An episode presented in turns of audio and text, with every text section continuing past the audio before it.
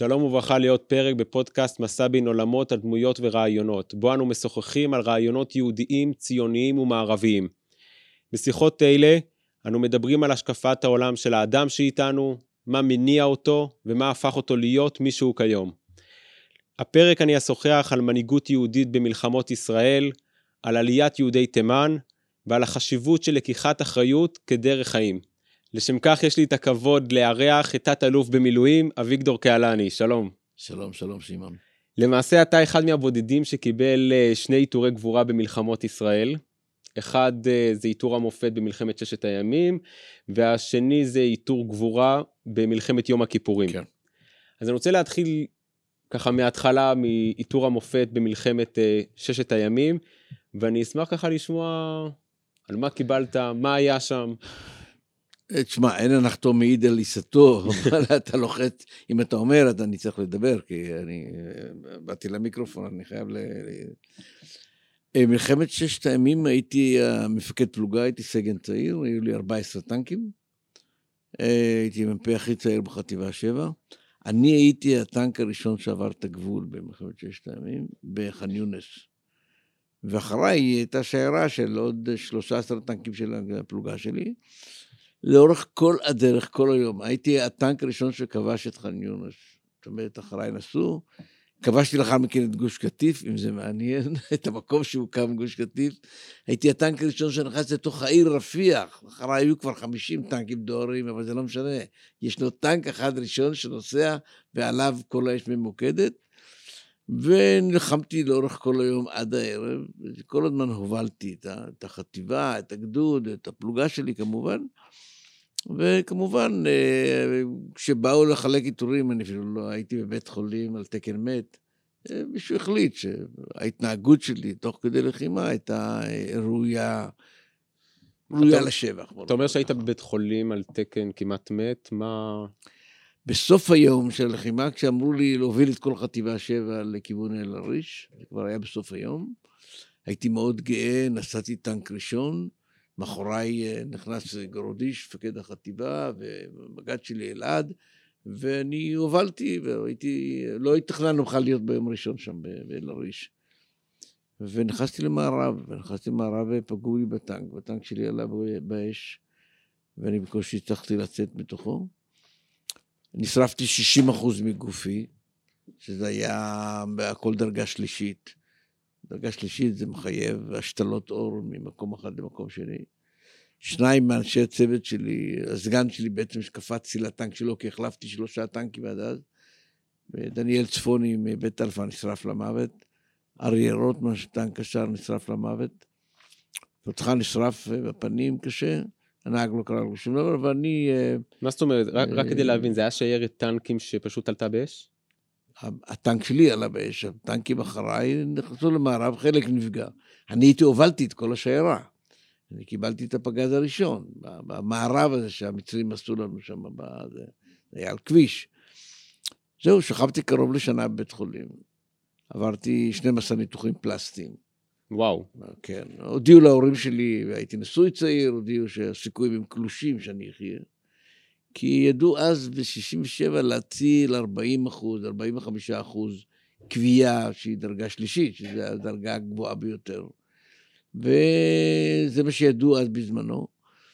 והודיעו להורים שלי ולאשתי שהסיכויים הם קלושים. ואם הוא ירצה לחיות, מה שנקרא, ויאבק, אז יכול להיות שהוא ינצח. זהו, אז אה, הצוות שלי אה, נפגע, שניים נשרפו למוות. אה, ואחרי שנה חזרתי, חזרתי לטנקים, שזה היה... זהו, ואתה נלחמת, אתה נלחמת ונאבקת כדי להישאר בחיים אחרי 60 אחוז קביעות. כן. ובמלחמת יום הכיפורים, אתה חזרת... אני על טנק, כמובן. ו... כן. ונלחמת באזור שאחרי זה קיבל את השם עמק הבכר. עמק הבכר, כן. ועל זה קיבלת את עיטור הגבורה. כן. מה היה שם שעל זה קיבלת? בעמק הבכר הייתי מפקד גדוד שנקרא עוז 77, והגדוד הזה לחם אה, במשך אה, ימים קשים מאוד, מתחילת המלחמה. אני שובצתי שם, אני עליתי מסיני עשרה ימים לפני המלחמה, אה, עם הגדוד שלי, וכדי להשתלב לחטיבת ברק, חטיבה 188 ברמת הגולן, המלחמה התחילה ביום, ביום כיפור, והגזרה שלי הייתה באזור קונטרה עמק הבכה. לימים קראנו לזה עמק הבכה, ואנחנו משבת, שזה יום כיפור, עד יום שלישי בצהריים עמדנו מול הסורים ביחסי כוחות של טנק שלנו מול עשרה שלהם, ואני הייתי מפקד הקרבות כמעט אה, כל הזמן, לאורך כל הדרך. זהו, כולל הרגעים הקריטיים שכמעט איבדנו גם את השטח הזה, שכל רמת הגולן כבר הייתה בידיהם. זהו, מבחינה זאת, אה, על, על הנושא הזה, בוא נאמר, היה האיתור. אז אני רוצה שנייה להתעכב ולשאול אותך, מה גרם לך לחזור אחרי מלחמת ששת הימים מה גרם לך לחזור ולהילחם אה, במלחמת יום הכיפורים? תראה, אני החלטתי, אה, הייתי בצבא קבע, אני יכולתי להשתחרר, הייתי אמור להשתחרר, אבל אה, נשארתי בצבא. ברגע שאתה, אה, אני לא הייתי מוכן להיות גלגל חמישי בעגלה. זאת אומרת, אני לא גלגל ספייר. אם אני בצבא, אם אני לובש מדים, אז אני בעמדת המפקד, אז אני אהיה מפקד. עכשיו, אה, הגוף שלי איכשהו החלים, לא לגמרי, יש המון בעיות, צלקות, רגל נסגרה לי, עברתי תהליכים קשים של ריפוי. אבל בדח, בחנתי את עצמי האם את הראש שלי הוא בסדר. מה הגוף? כל הגוף בא להביא את הראש שלך פה למיקרופון, זה נכון? כל הגוף הגדול הזה בא להביא את הראש שלך למיקרופון, כי מה, מה אנחנו עושים? מדברים מראש כרגע. אז אני בדחנתי את עצמי, אמרתי, מה, אני עכשיו אהיה על תקן מסכן? לא, מה זה באמת? אני לא אהיה בתפקיד של לא מפקד ולא לוחם וכן הלאה. וחזרתי, וזה לא היה קל, כיוון שזו החלטה, אחת ההחלטות הקשות בחיים שלי. יש איזשהו אה, ערך שבשמו אתה נלחמת את הקרבות הקשים? תראה, זה, צ'רנחובסקי אמר אה, שהאדם הוא תבנית נוף מולדתו. תמיד כשאתה מדבר עם בן אדם, תשאל מי הוא. איפה הוא צמח, איפה הוא גדל. אז אני גדלתי בנס ציונה, נולדתי בשנת 44. ההורים שלי עלו מתימן ב-1925, כלומר, הם אה, כתינוקות של בית רבן, הם הגיעו לארץ. ואני גדלתי באווירה של כל הזמן, אה, אה, יום אחד תחזיק את הדגל של המדינה. זה כאילו השליחות שלך. אז זה מה שאמר קהלת, דור הולך ודור בא, והארץ לעולם עומדת. אבל ידעתי שהתורנות שלי לשמור על המדינה תגיע. וככה גדלתי, אה, למדתי בית ספר יסודי וזה, אני, היינו חברי כבוד בבית הכנסת של התימנים בנס ציונה. אבי ניהל את בית הכנסת. אנחנו לא היינו עם כאלה ששמים את הכיפה על הראש, אבל, אבל היינו חצי מהבית הכנסת תרומה של אבא שלי. ותנועת הנוער, הייתי בנוער עובד, והסתובבתי בארץ, ואני מאוד אוהב, עד היום אני מטייל בכל השבילים. ואתה קשור ואתה מבין ש, ש, שאתה חלק מהנוף של המדינה. וכשאתה מבין שאתה חלק מהנוף של המדינה, אתה צריך לעמוד ברמת ציפיות של המדינה ממך וברמת ציפיות של עצמך, מתוך מה שאתה מייעד את עצמך.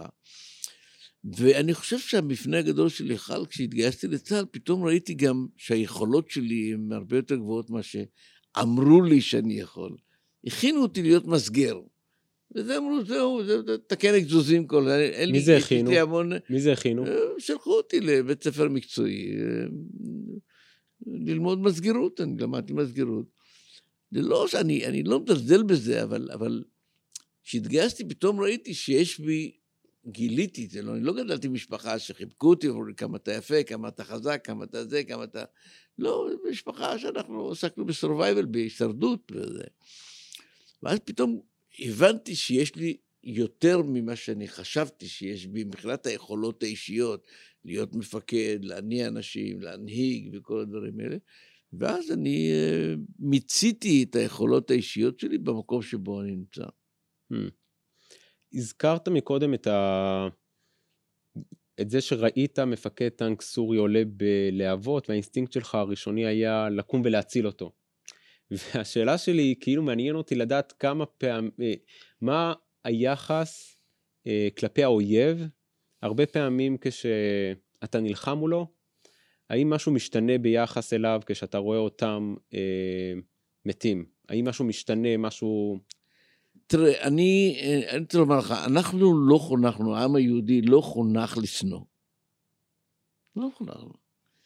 הערבים שונאים אחד את השני, תראה איך הם עם גרזנים הם מפצחים ראשים והורגים אחד את השני. פה משהו במערכת החינוך אצלנו שונה. אנחנו לא, אני איבדתי אח, אשתי איבדה שני אחים במלחמות ישראל, אנחנו לא שונאים. לא לימדתי את ילדיי לשנוא. לימדתי אותם להגן על עצמם, לעמוד ולעשות תפקידם, לא לשנוא. עכשיו, כשאני ראיתי את המפקד טנק עשרה מטר ממני בוער, וראיתי שהוא מנסה לחלץ מהטנק, ואני לא שמעתי אותו צועק, אבל ראיתי את הפנים שלו צועקות, כי אני עם אוזניות ואני עם כובע. אז כבן אדם, בא לי רצון לעזור לו, ואני חטפתי שיתוק גם באותו רגע, כי אני ראיתי את עצמי. פתאום התברר שזה, אתה, יש לך פוסט טראומה. זה ברור שאני, פתאום נעצרה לי הנשימה, ואני ראיתי את עצמי. וכאילו, כאילו זה אני שמנסה לקפוץ מהטנק, זה בדיוק אותה סיטואציה שאני הייתי בזה. אז אתה בן אנוש בראש ובראשונה, אתה לא שונא את האויב שלך, אבל אתה אומר, אני אנצח אותו. Hmm. אתה לא, אתה לא שונא אותו, כי לא לימדו אותנו, יש סיבות לשנוא, יש, אפשר בהחלט... אה, מה למשל? אבל אה, יש אני, סיבה לשנוא, אני, תשמעי, אני שכבתי שנה בבית חולים בגללם. הם הרגו את האח שלי, הם הרגו את האח של אשתי. אז יש סיבה לשנוא. אתה, אתה יכול לפתח שנאה כזו בזה.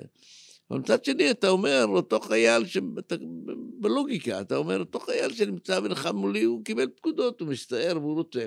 אני לא אתן לו לנצח אותי, בשום אופן. אם אני אצטרך לעשות את הכל, אני אהרוג אותו לפני שהוא הורג אותי. אז זה בסדר, אבל אני לא שונא אותו, אני, אני, אני מונע ממנו לנצח אותי. זה, זה, זה זווית ראייה אחרת. אתה לא מאבד את הצלם אנוש. Hmm. מדברים הרבה על אה, מלחמת אה, יום הכיפורים, גם היום זה איזשהו פצע פתוח בחברה הישראלית. ומדברים הרבה, ונכתבו הרבה ספרים על הלקחים ממלחמת יום הכיפורים. ואני רוצה לשאול אותך, מה אתה חושב שהוא הלקח שאותו אנחנו צריכים אה, להפיק ממלחמת יום הכיפורים? מלחמת יום הכיפורים מתחילה בששת הימים. התמונה, אם הייתי שואל אותך, כיוון שאתה חובש כיפה, והייתי אומר לך, מה התמונה הכי מפורסמת ששת הימים? היית אומר לי, הצנחן בכותל. לגמרי. ואז אני אומר לך, לא. זו תמונה נחמדה, טובה, מרגשת. התמונה שהיא התוצאה של מלחמת ששת הימים, שהיא, אתה מסתכל ואתה אומר, וואו, זו התוצאה, זה הנעליים הזרוקות על הדיונות. של המצרים. של המצרים. הם ברחו ממני. והם הורידו את הנעליים וזרקו את הנשק.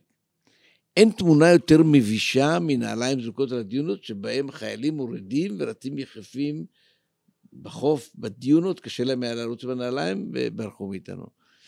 תמונה כזו היא חרוטה בראש של כל אחד מאיתנו, וחרוטה הייתה במנהיגים שלנו, שהם, מה זה אומר? אנחנו כל יכול, אנחנו גיבורים.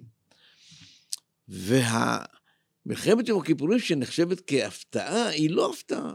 היא לא הפתעה. אותי העלו עשרה ימים לפני המלחמה עם 44 טנקים מסיני לרמת הגולן. ארבע, עשרה ימים בין כסר לעשור בערב ראש השנה. כלומר, זה לא הפתעה. כי בנתונים, איפה האויב, מה הוא הולך לעשות, בערך היה לנו. זה לא היינו מטומטמים. לא היינו מטומטמים. המחליטים היה להם את הנעליים הזרוקות בדיונות, והם היו צריכים לקבל החלטה אחת רצינית. לגייס את המילואים, כי אי אפשר להגן על המדינה בלי גיוס המילואים. 80 אחוז מהעם, מה, מהצבא שלנו זה היה מילואים. ואת זה הם לא קיבלו. את זה קיבלו רק ביום, ביום כיפור עצמו, כשכבר היה תחת אש. אז הלקח המרכזי הוא, קודם כל, יש גם אצלנו, שזה אתה בטח תבין אותו, וישמן ישורון ויבעט. יש את הדבר הזה. דבר שני... זאת אומרת, אה, כאילו היה יותר מדי ביטחון עצמי, יותר אה, מדי שמחנו על עצמנו? כן, היו תקופות קשות, זה לא נאמר, היה בחמת התשה, איבדנו הרבה לוחמים, אבל הייתה תקופה שהייתה התבדחות על התנהגות החיילים המצרים והסורים. הייתה התבדחות. יצא אחד בדיחה שהסתובבה חזק מאוד, טייס לומד לטוס במוסקבה, והוא אומר, תלמד, אתה מלמד אותי רק להמריא, תלמד אותי גם להנחית. הוא אומר, בשביל מה? מילא מפילים אתכם. כלומר, יש, בהומור, אה, יש איזשהו חלק של אמת. ולכן זאת הטעות הגדולה. זה לא, באופן ניהול הקרב היה בסדר גמור. הטעות הגדולה הייתה הדבר הזה, וחוץ מזה היה לנו בעיות של מחסני חירום וזה, אבל תשמע... זאת אומרת, אם אני צריך לשים ברמה האסטרטגית, להניח את האצבע על מה הייתה הבעיה, אז אתה אומר זה לא לזלזל בכוח של האויב. לא פעם, לסמוך על עצמנו. כן, אף פעם, אני חושב שכלוחם, אף פעם לא זלזלתי בכוח של האויב. ואני אומר לך, מבחינתי, אני גם אדם מאמין, ואני חושב שהקדוש ברוך הוא גם הגן על העם היהודי שהתנהג כמו טיפש. איך אני יודע? אם הוא היה רוצה להשמיד אותנו, היה מתחיל את המלחמה בראש השנה. עם ישראל כולו היה עם המנגלים מראש הנקרא עד שער המשך, וסביב הכנרת אני הייתי תקוע בפקק כשאני עליתי, לא עליתי מטוס, אני הייתי, הייתי בבית, עליתי במכונית שלי. ואם היו מגייסים את המילואים בארבעת הימים האלה שכולם עם המנגלים, עד היום היינו תקועים בפקקים בדרך הביתה. כן? אז רצה אלוהים, ואמר, נביא אותם לפתוח את המלחמה ביום הכיפורים. ביום הכיפורים, אבא שלי היה בבית הכנסת, אח שלי היה בבית הכנסת, תוך שש שעות הם כבר היו עליהם בימ"חים שלהם, על הטנקים. כלומר, יש, יש, יש עוד, עוד סימנים שאני יכול להראות לך, שאם זה היה בשנה אחרי זה, היינו גומרים בתוצאה גרועה מאוד. כמו מה למשל? חצי מהכוח הטנקים בסיני בינואר היה צריך להתפרק, בינואר 74. כמות המילואים שהייתה ירדה מ-35 בתוכנית עבודה של הצבא ל-15 יום לשנת 74. יש עוד, עוד, עוד כל מיני דברים שאני יכול אה, לומר. ואתה רואה את זה כהשגחה עליונה? חד משמעית. חד משמעית. הנושא הזה של, של פתיחת המלחמה הבאה, זה השגחה עליונה. אז בגלל מה שאתה אומר, התמונה בכותל, אם נחזור למה שדיברנו מקודם, התמונה של שלושת הצנחנים בכותל, אותי זה הרבה יותר מרגש. כי אני מבין שיש איזשהו קשר בין ההיסטוריה, בין האמונה, לבין העובדה שכבשנו את הכותל. אין ספק, גם זה יעד אלוהים. כיוון שהחטיבה של מוטה גור הייתה צריכה לצנוח ברפיח, ואני הייתי צריך להתחבר אליהם, הטנקים. ובשנייה האחרונה, הליטל קינג הזה, חוסיין, שהוא נהג בטיפשות, והוא פתח באש, אה, והוא כבש את ארמון הנציב, ששם ישב האו"ם. זה לא אצבע אלוהים, כי מוטה היה צריך לצנוח וזה, ואנחנו צריכים לחבור אליו. ואז לוקחים את מוטה עם החטיבה שלו ומביאים אותה לפה. לא התכוונו להילחם נגד הירדנים, בכלל זו לא הייתה כוונה, בכלל אף אחד לא חשב בראש, השלושה שבועות המתנו מול המצרים, כי הוא איים על קיומה של מדינת ישראל. זה לא אצבע אלוהים, אצבע אלוהים. אני לא ידעתי את הפרט הזה, זאת אומרת כל הכיבוש של ירושלים המזרחית, לא בכלל זה פשוט. משהו שלא... בכלל לא מתוכנן, הוא ביום, ביום המלחמה, חמישה ביוני, הוא אמרו לו, אתה לא צונח, רוץ מהר לכיוון ירושלים. ביום המלחמה, והוא היה צריך לצנוח בכלל, לא היה, לא היה פה כוחות בכלל, היה פה חטיבת ירושלים ששמרה על הגדר, לא היה גדר אפילו. וזה. ואז הוא עובר לירושלים ועושה את המלחמה. מה, זה לא אצבע אלוהים? זה ממש אתה, מעניין. אתה מסתכל על זה בזווית הראייה של אה, שחררנו את הכותל, אני מסכים איתך, זה מרגש, זה, אני הייתי בכותל בגיל שנתיים ועוד אה, זה. אני, אני מסכים איתך עם, עם ההתרגשות הזו, אבל התמונה שמסמלת את ההישג הגדול, זה לא כיבוש כותל, אלא ההישג הגדול שתוך ארבעה ימים היינו בתעלת סואץ, מול צבא ענק. יום אחד כבשנו את כל רמת הגולן. אתה מבין את המשמעות לכבוש את רמת הגולן ביום אחד? גם כן אצבע אלוהים. למה? כיוון שברמת הגולן התחילו לראות על היישובים בעמק החולה ועמק הירדן, הם התחילו לצעוק, לצעוק, לצעוק, לקחו חטיבת טנקים ואת גולני מסיני, גולנים היו באזור, מסיני העלו אותם כל הדרך 250 קילומטר לרמת הגולן, והגיעו ביום האחרון, ביום החמישי הם הגיעו, וביום השישי כבשו את רמת הגולן. זה לא אצבע אלוהים. יש כל מיני דברים שאנחנו כאילו, זה, לא התכוונו, לא היה שם טנק אחד. אני ישבתי עם הטנקים שלי חודשיים מול רמת הגולן. חודשיים ישבתי עם הטנקים שלי, שכבתי כחולת טנק בתל דן, עם 14 טנקים שלי, ישבתי שם. עשרה ימים לפני יום העצמאות, שזה היום שבו גייסנו את כל המילואים, עשרה ימים לפני זה, אני, אה, הורידו אותי למשימות אחרות. והייתי שם איזה חודשיים, שכבתי שם בטנקים שלי. והם אמרו שאנחנו מעלים טנקים כדי לתקוף אותם. מה פתאום, לא היה אף טנק אחד שם. זה היה הסיבה של המצרים, אמרו, אנחנו הולכים להגן על הסורים. הייתי להגן על הסורים, לא היה שם אפילו טנק אחד. וואו.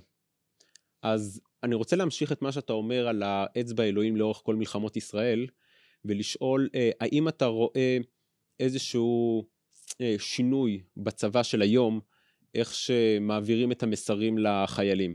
זאת אומרת, יש הרבה ביקורת היום בחברה הישראלית על זה שהצבא נוקט צד במלחמות, במלחמת הרעיונות, אם נקרא לזה, בין הפרוגרסיביים לבין השמרנים בקשר לאמונה. המסרים שהחיילים עוברים היום ב... בסמינרים ובהכשרות הם מסרים מאוד אוניברסליים ופחות יהודיים, פחות אמוניים. תראה, מי שטוען את זה, אני לא מסכים איתו. יש היום, אני חושב, שליש מהקצינים בצה"ל הם דתיים. כיפות סרוגות. בלי לפגוע באף אחד אחר, זה, זה, זה האנשים הכי טובים שיש לנו.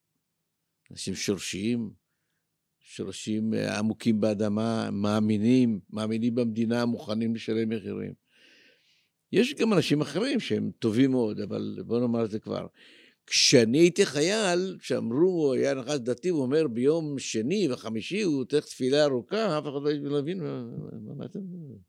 אבל ראינו, אתה, אתה מזכיר את אה, שליש מהקצינים שהם כיפות סרוגות, אבל תראה מה עשו לעופר וינטר למשל, כשהוא הזכיר את שם השם. בסדר, הוא ניצח אותם. הוא בינתיים בצבא?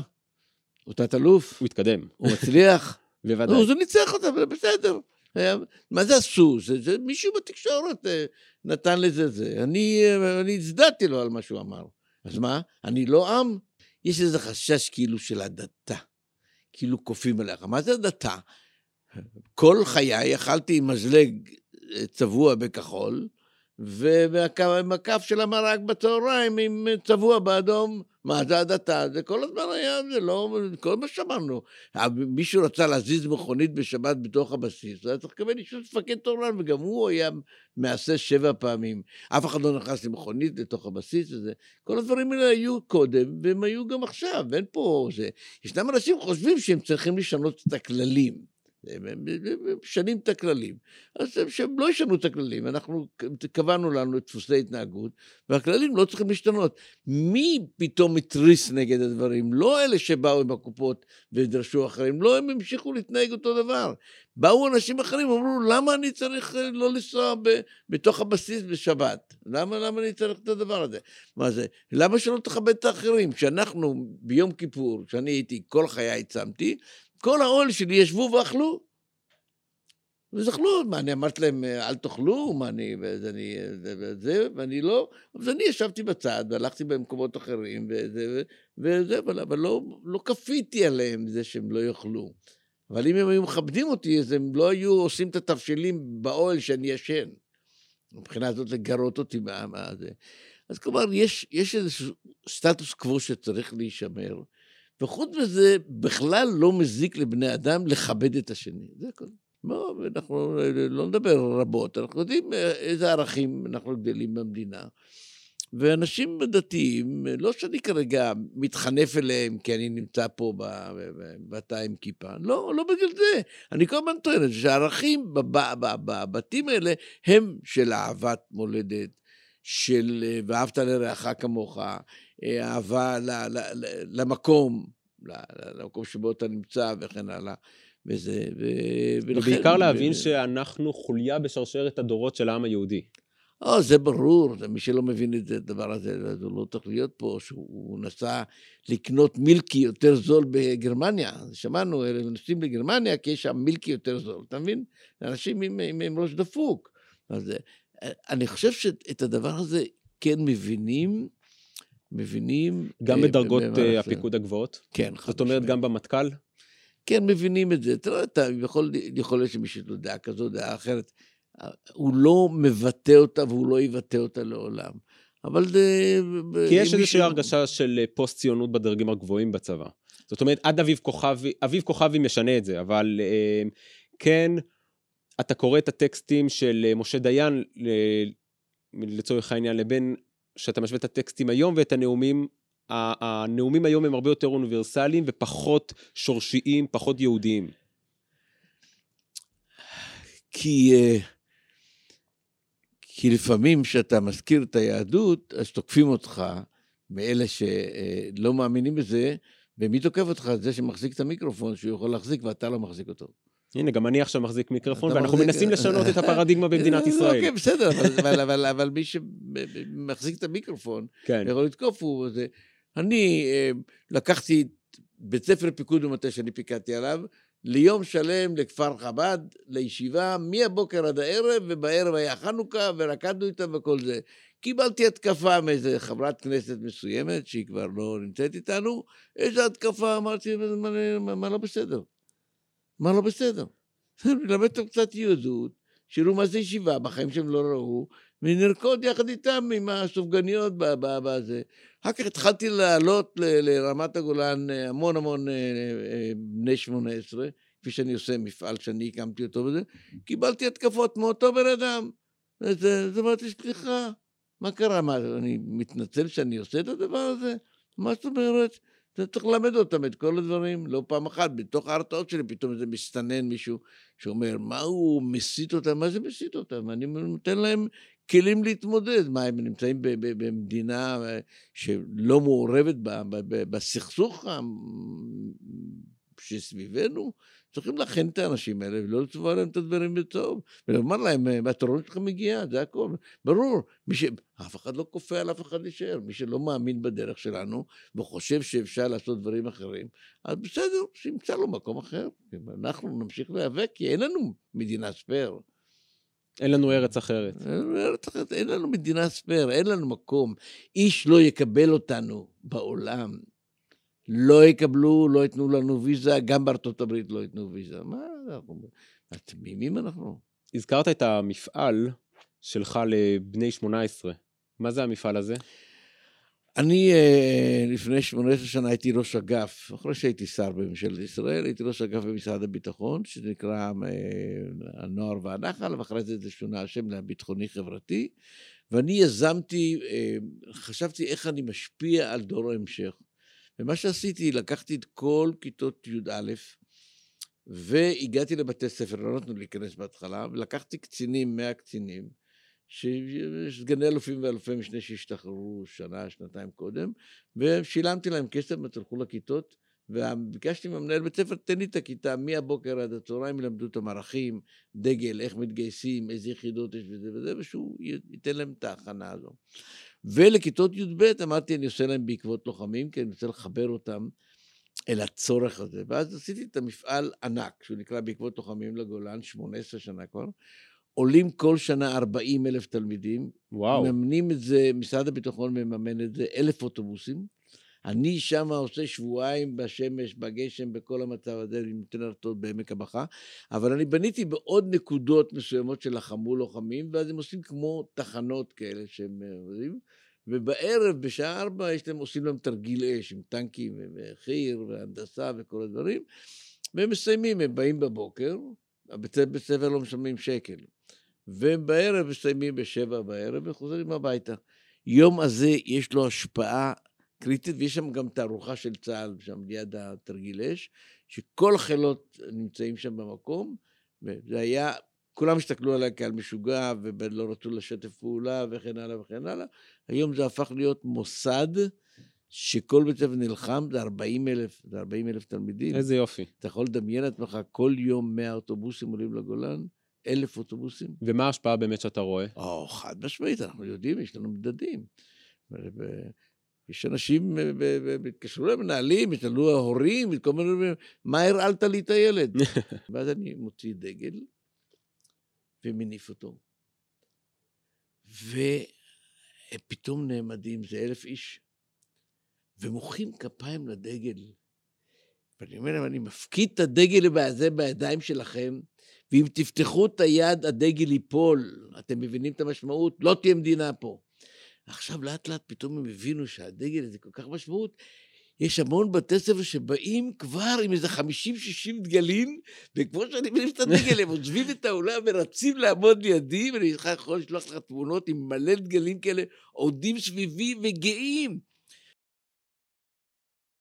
ויש מורות שניגשות אליי אחרי זה, לא, לא שזה תלמידים שניגשים בזה, אבל מורות אחרי זה, תסתכל מה עשית לשערות שלי, אומרת לי המורה. אלא מה עשית? כן, אז אומרת המורה, לא ידעתי שהתלמידים שלי אוהבים את הדגל. פתאום הם נעמדו, וראית איזה מחיאות כפיים ואיזה זה. לא ידעתי שאני אוהבים את הדגל. כן, תניפי את הדגל, הם יאהבו את הדגל. כל אחד חייב לתת למדינה הזאת.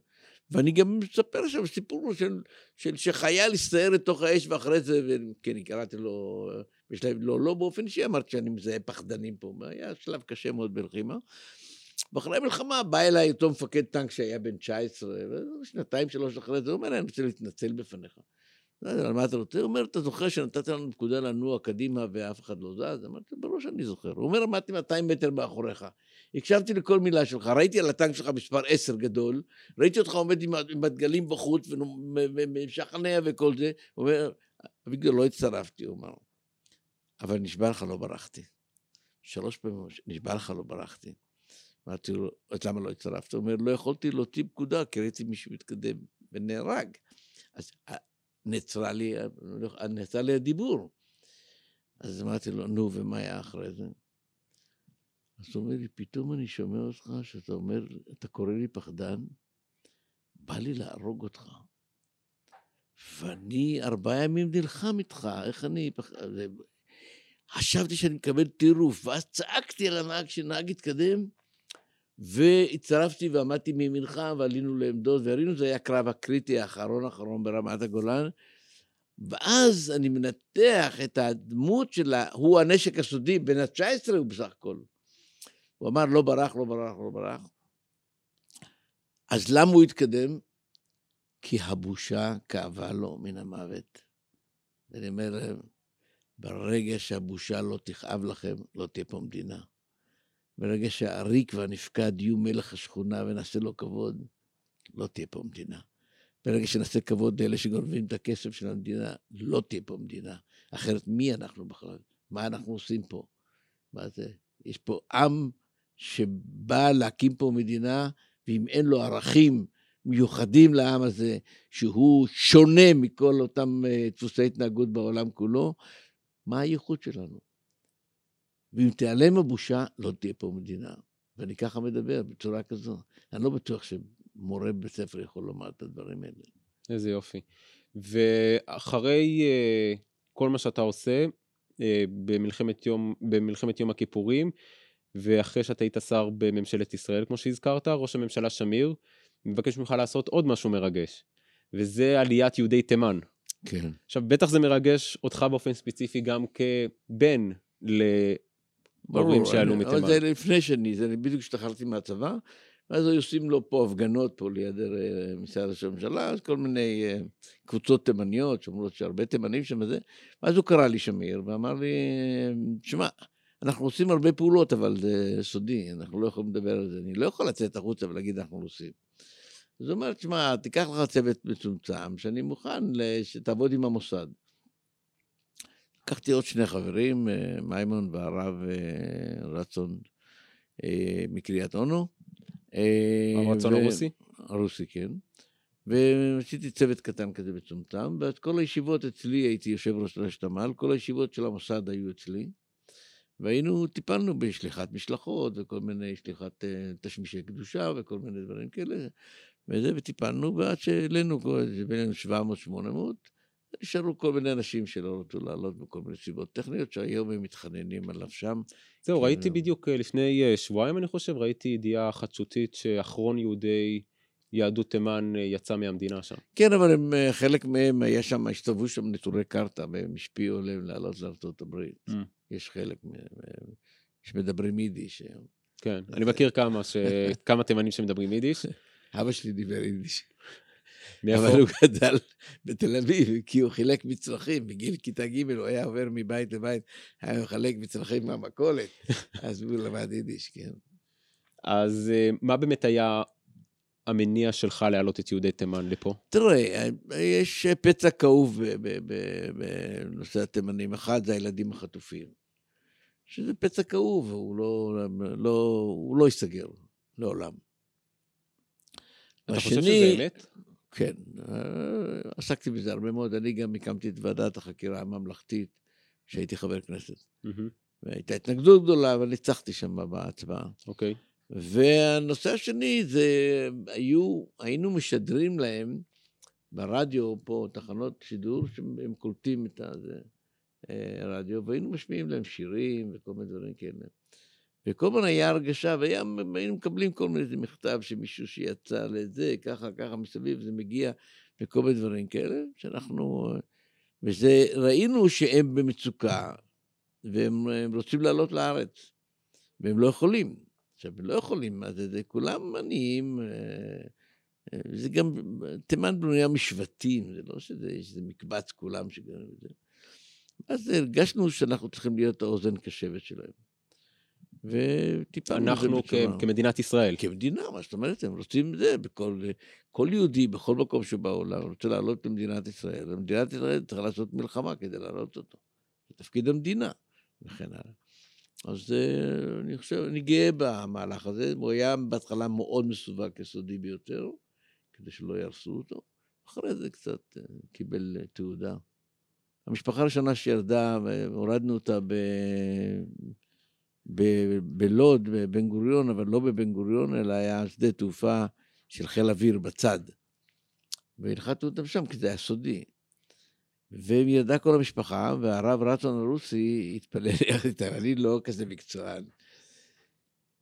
ואני זוכר שהוא התפלל, 50 שנה הבדל בין שהוא פה, ולא היה שום קשר. ופתאום הם התפללו בדיוק כמו הסבא שלי. וואו, זה מרגש. אה, ירדו לי דמעות. זה היה כל כך מרגש. עומד רצון הרוסי שחי פה, והם, שאולי הוא נולד פה, אני לא יודע, והם, ופתאום מתפללים בדיוק אותו דבר. ממש כמו בבית כנסת שלי. זה היה... רגע, רגע, מרגש מאוד, אני לא יכול לשכוח. זה באמת מתחבר למה שאתה הזכרת מקודם, וזה ההיסטוריה היהודית. זה להבין שהעוצמה שלנו כחברה בנויה מזה שאנחנו מבינים את העבר וחיים את ההווה ודואגים לעתיד. זה להבין שלעם היהודי יש תפקיד היסטורי חשוב בעולם. תראה, אה, אנחנו לא יכולים להיות מנותקים מה, מההיסטוריה. אנחנו ככה בנויים ואנחנו לא יכולים... חד משמעית. נדמה לי שהיטיב בן גוריון לתאר את זה, שאמר לאמריקאים שאתם לא מבינים את השורשים שלה, אתם, אתם מדברים על מסיבת התה עם האונייה שזרקה את התה שם ברחבי בוסטון וכן הלאה. זה ההיסטוריה היחידי שאתם יודעים את התאריך וזה, ואתם לא יודעים שאצלנו כל יהודי יודע בדיוק מי זה אברהם אבינו, מי זה יצחק ומי זה יעקב. כל יהודי גדל על אה, דוד המלך, שלמה וכן הלאה, וכל יהודי גדל על בית המקדש ועל השורשים שלנו פה. בכל מקום שאתה קורא בתנ"ך, אתה נוגע, אתה הולך ואתה נוסע חתישה ואתה כן. נוגע במקום. רמת שהוא- הגולן. כן, כן, ואתה נוגע במקום. זאת אומרת, העם הזה ישב פה, לא שמישהו רצה לה- להסביר לנו, לשכנע את העולם שאנחנו באנו, בזה. חזרנו הביתה, חזרנו הביתה, וזה לדעתי אחד מפלאי העולם הגדולים ביותר, שהעם היהודי חזר והקים פה מדינה חזקה ב- בתקופה הזו. על אף כל הקשיים, על אף כן, כל... כן, זה כן, משהו שאין אחד- בהיסטוריה. פלאי עולם, אתה צריך לראות את ה... קבלת החלטות, בוא נאמר ככה, אם בן גוריון, שהיה בין אלה שקבע פה את המסמרות, אם הוא היה היום, הוא לא היה יכול להיות ראש ממשלה. למה? הוא, מה, הוא קיבל החלטות, מה... אני אתן לך עכשיו סיפור ככה, ב, ב, ב, שתצחק קצת, בסדר? בן גוריון מקים את חטיבה 7 לפ, יומיים לפני שהוא מחליט על המדינה. מקים אותו פה ב, בלוד, ביערות חולדה. עכשיו בואו נעשה את בן גוריון אז, היום, אוקיי? הוא אומר, נקים את חטיבה 7. הוא אומר, טוב, למה נקים את החטיבה 7? היא תפרוץ את הדרך לירושלים. צריך לפרוץ את הדרך לירושלים, לכבוש את אה, לטרון, ות- לפתוח את הדרך לירושלים. טוב, היועץ המשפטי אומר לו, אדוני אה, ראש הממשלה, למה לפתוח את הדרך לירושלים? בירתנו, בירת העם היהודי, וזה אומר לו, סליחה, אדוני אה, ראש הממשלה, איפה זה כתוב?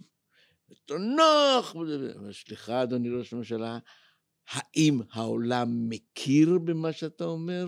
האם יש החלטה של האומות המאוחדות שהם מכירים שבירושלים בירתך? אז הוא אומר לא, אבל הם יכירו ותלך של זמן, ואנחנו נעלה את הכנסת וזה. הוא אומר לו, אדוני, אתה לא יכול לקבל החלטה כזאת. אתה צוחק. לצערנו, בדיוק, אני צוחק. אבל זה, אבל זה נכון? זה מצער, ברור, יפה. זה מצער ממש. אז uh, אתה ככה מתאר עכשיו את הסיפור הזה של uh, בן גוריון, uh, ואתה מדבר על מנהיגות, ואחד מששת הספרים שהוצאת, מנהיגות במ- במעגלי החיים. ומה המסר שלך במנהיגות? תראה, אה, הייתי, אתה יודע מה זה בה"ד 1? כן, הבית ספר לקצינים. אני לא בוגר בה"ד 1. וואלה, אני. מודח. אתה הודחת מהקורס? כן, אני לא בוגר בה"ד 1. נלך, הייתי קורס מפקדי טנקים, גמרתי חניך מצטיין, קיבלתי סמל, כולם קיבלו רב"טים. וזה, אבא שלי בבית כנסת הלך כמו טווס, חביבי עשו לו כבוד בשכונה התימנית בנס ציונה. הלכתי לקורס קצינים, בה"ד 1, אחרי חודש הודחתי. והיה כתוב בתעודה שלי, תעודת ההדחה, הנ"ל ללא כושר פיקוד ומנהיגות לא יכול להתקדם בצה"ל. וואו. כן, כן, כן. שני הצל"שים שדיברת עליהם זה עקב כושר פיקוד. וכתבתי ספרים, כפי שאתה מבין, וזה. בספר האחרון רציתי להתמודד עם סוגיית המנהיגות. ובניתי את זה בצורה כזו שאמרתי, אני אחפש דוגמאות מההיסטוריה ואני אנתח אותם, את ההתנהגות שלהם.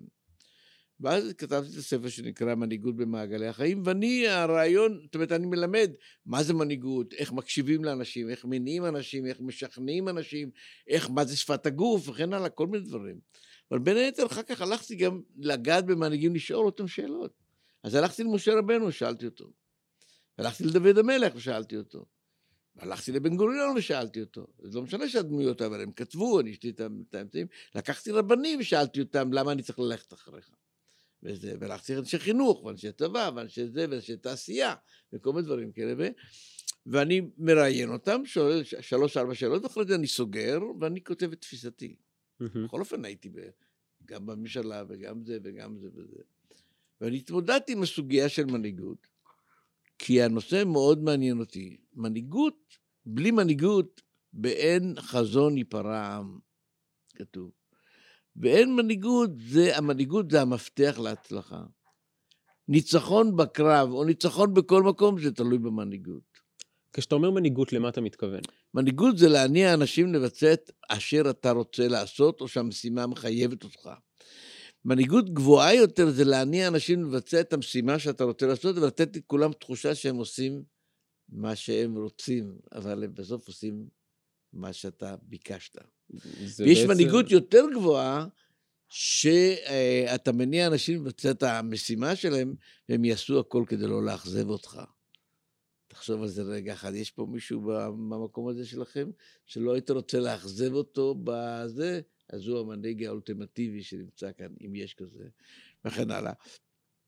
עכשיו, מה זה מנהיגות? מנהיגות חייבת להיות דוגמה וסמל. היא תמיד תסבול יותר מאחרים. היא תמיד תחטוף אש יותר מאחרים. היא תמיד תשקיע בזמן שלה, במרץ הנורי שלה, היא תמיד בזה. וגם מנהיגות, מרבית המפקדים שלנו נהרגו במלחמות, כי הם רצו לפני המחנה. המושג של גדעון, ממני תראו וכך תעשו, היא מחייבת אותך להיות הראשון. במלחמות ישראל אני הייתי הראשון כל הזמן, למרות שלא הייתי צריך, ברמות האלה שאני לחמתי. שהייתי, כיוון שאני... הדבר הכי מעליב במלחמה, שאחרי המלחמה, הלוחמים שלך אומרים, המפקד, לא ראינו את הגב שלך. Mm. אתה מבין את המשמעות? לכן, כל דבר זה מנהיגות, אבל הרבה פעמים אתה צריך לקבל החלטות שהן בניגוד ממה שאתה חושב שהעם רוצה, כי לפעמים הוא רוצה את שיר הבשר. אז הוא אומר לו, סליחה, לא.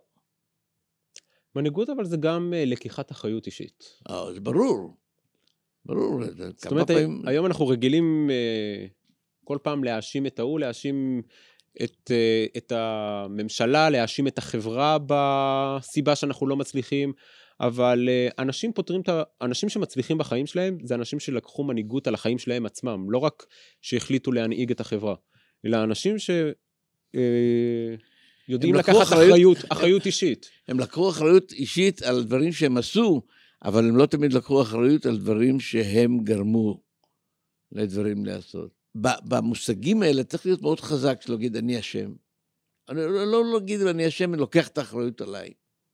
כי לא תמיד אתה יכול, כי הש"ג ירה שם וזה, ואתה לא תמיד היית שם, אתה לא יכול לוקח. אתה אומר, כן, חינכתי אותו לא טוב. חינכתי אותו, אבל הוא התנהג בצורה לא אחראית. זה, זה קורה, זה, אנחנו לא כל פעם צריך להאשים את המנהיג, כל פעם שחייל ירה במשהו צריך להדיח את המג"ד. לא, אני לא חושב את הדברים האלה. אבל היה לי פעם מפקד שהיה ביזיון בפלוגה, ובערב התכנסנו כל המפקדים, והיינו, הייתי קצין צעיר, ואז הוא, בערב, הוא, תמיד הייתי רגיל שמאשימים אותנו, אותנו, ואז הוא אמר, יש פה רק אחראי אחד שעשה את כל הבלאגן הזה, את כל הזה. אני הסתכלתי, הסתכלתי, מי הולך עכשיו להצביע? הוא אומר, אני. הייתי בשוק. שוק. אדם לוקח את האחריות עליו, וזה, לכן אהבתי אותו והרצתי אותו לאחר מכן על הדברים. אה, אנחנו מדברים ככה לאורך כל הפרק על הערכים היהודיים ועל זה שאתה במסעות שלך עם בני הי"ב, אתה מסביר להם כמה שהמדינה שלנו והערכים שלנו שונים מכל עם, שונים מכל אה, מדינה. ואני רוצה ככה לשאול שאלה לסיום, שאותה אני שואל את כל האורחים שמתארחים בפודקאסט, וזה מה המשמעות מבחינתך של להיות אור לגויים. הציווי הזה של הנביא ישעיהו, אה, שנהיה סמל ודוגמה לעולם, אה, במה זה מתבטא אצלך? תראה, אני אתחיל את זה בצורה פילוסופית. האם הגויים רוצים שנהיה האור שלהם? לא. האם הם רואים אותך כאור שלהם? לא. אז מה? שאבא במשפחה מתנהג עם המשפחה שלו בצורה מסוימת, הוא רוצה שהילדים שלו יראו בו מודל לחיקוי. והוא מהווה להם מודל לחיקוי לכל דבר. אז כלומר, המושג הזה אור לגויים, זה לא בגלל שהגויים מקבלים אותי ואני אור בשבילהם ואומר להם את דפוסי התנהגות. להיות אור לגויים, בפרשנות שאני אומר, זה בערכים הבסיסיים שאנחנו כאומה, כעם, צריכים לשדר את הדבר הזה. כלפי עצמנו, קודם כל, כלפי המשפחה שלנו, כלפי הזה, מה זה. שמה הם הערכים? אני, אני, אני, אני, אני לא מאמין בגויים. אני לא מאמין שהם, שהם, שהם, אני תסתכל מה הם עושים. תסתכל, יורים אלפים של אה, רקטות למדינת ישראל ורוצים שאנחנו נשב ולא נקשיב. התחרפנו לגמרי, התחרפנו לגמרי. השתגעו הגויים. תסתכל כמה מדינות הצביעו עכשיו שיעשו חקירה נגדנו. על מה אנחנו מדברים? כן, המדינות המושג, הכי, הכי נאורות. אור, המושג הזה אור לגויים, אני אומר, אור לגויים, בואו נהיה דוגמה של, אה, אה, של אה, ערכים בתוכנו, בתוך החברה, בתוך הקהילה. מילה תהיה מילה, ואהבת לרעך כמוך, הנושא של השורשים, להעמיק אותם, ללמוד את ההיסטוריה שלנו, כי זה מחזק אותנו. את הזהות היהודית. כן, של הזהות היהודית, ברור. וגם ללכת לבית כנסת, זו חובה, אפילו אתה לא דתי, תלך ותלמד. מה קרה? מה זה אנטגוניזם? אתה, כל מי שהולך לבית כנסת. יש את האנשים שיצרו את האנטגוניזם האלה, זה חבל, אבל בית כנסת זה ערך. תלך לבית כנסת, תלמד את הילד שלך מה זה ספר תורה, מה זה זה, מה זה זה, כל הדברים האלה. להכיר את השורשים שלנו, תעשה קידוש ביום שישי. יש דברים שאנחנו, אני חושב שהתורה שלנו, פעם יש, יש איזו בדיחה מצחיקה ככה, שאלוהים רצה לתת, חיפש עם לתת לו את התנ"ך. ואז הוא בא לכל מיני עמים ואמר, ושאלו אותו מה כתוב. אז לעם מסוים, אני לא רוצה ל... ל הוא אמר לו, לא תנאף, אמרו לו, הוא אומר לו, לא תגנב, לא, לא, לא. כל פעם הלך לאיזה עם וזה. בסוף הוא בא לעם היהודי. ואז הוא אומר, יש לי... ואז שאלו, כמה זה עולה? הוא אמר, חינם, אין כסף. אז הוא אומר, תביא שניים. אז וכך יש שני לוחות הברית. כלומר, אנחנו העם שהסכמנו לקבל את אה, עשרת הדיברות ולהאמין בהם וללכת אחריהם. ומה זה עשרת הדיברות? זה עשרות הספרים שהש... שהשופטים עובדים על פיהם, ובתי ספר למשפטים מלמדים על פיהם. זה לקחו את עשרת הדיברות, רק פירקו את זה לכל מיני חלקים וזה. אז קיבלנו את עשרת הדיברות, בואו נקיים אותם, את עשרת הדיברות, ונהיה הנבחר שבא מהם. איזה יופי. אז בנימה האופטימית הזאת, בעזרת השם, אה, נסיים. ותודה לך, אביגדור, שהגעת. אה, לי זה היה גם מרגש מאוד השיחה הזאת, וגם אה, כבוד גדול שבאת. אז uh, תודה רבה. בהצלחה. תודה. ותודה גם לעורך אהרון זיידמן שמשקיע מזמנו היקר להפקת הפרקים. ותודה לכם המאזינים על כל ההערות וההערות שאתם שולחים, ותוכלו להמשיך uh, לשלוח בכל uh, ערוצי התקשורת, פייסבוק, טוויטר, טלגרם. תודה רבה.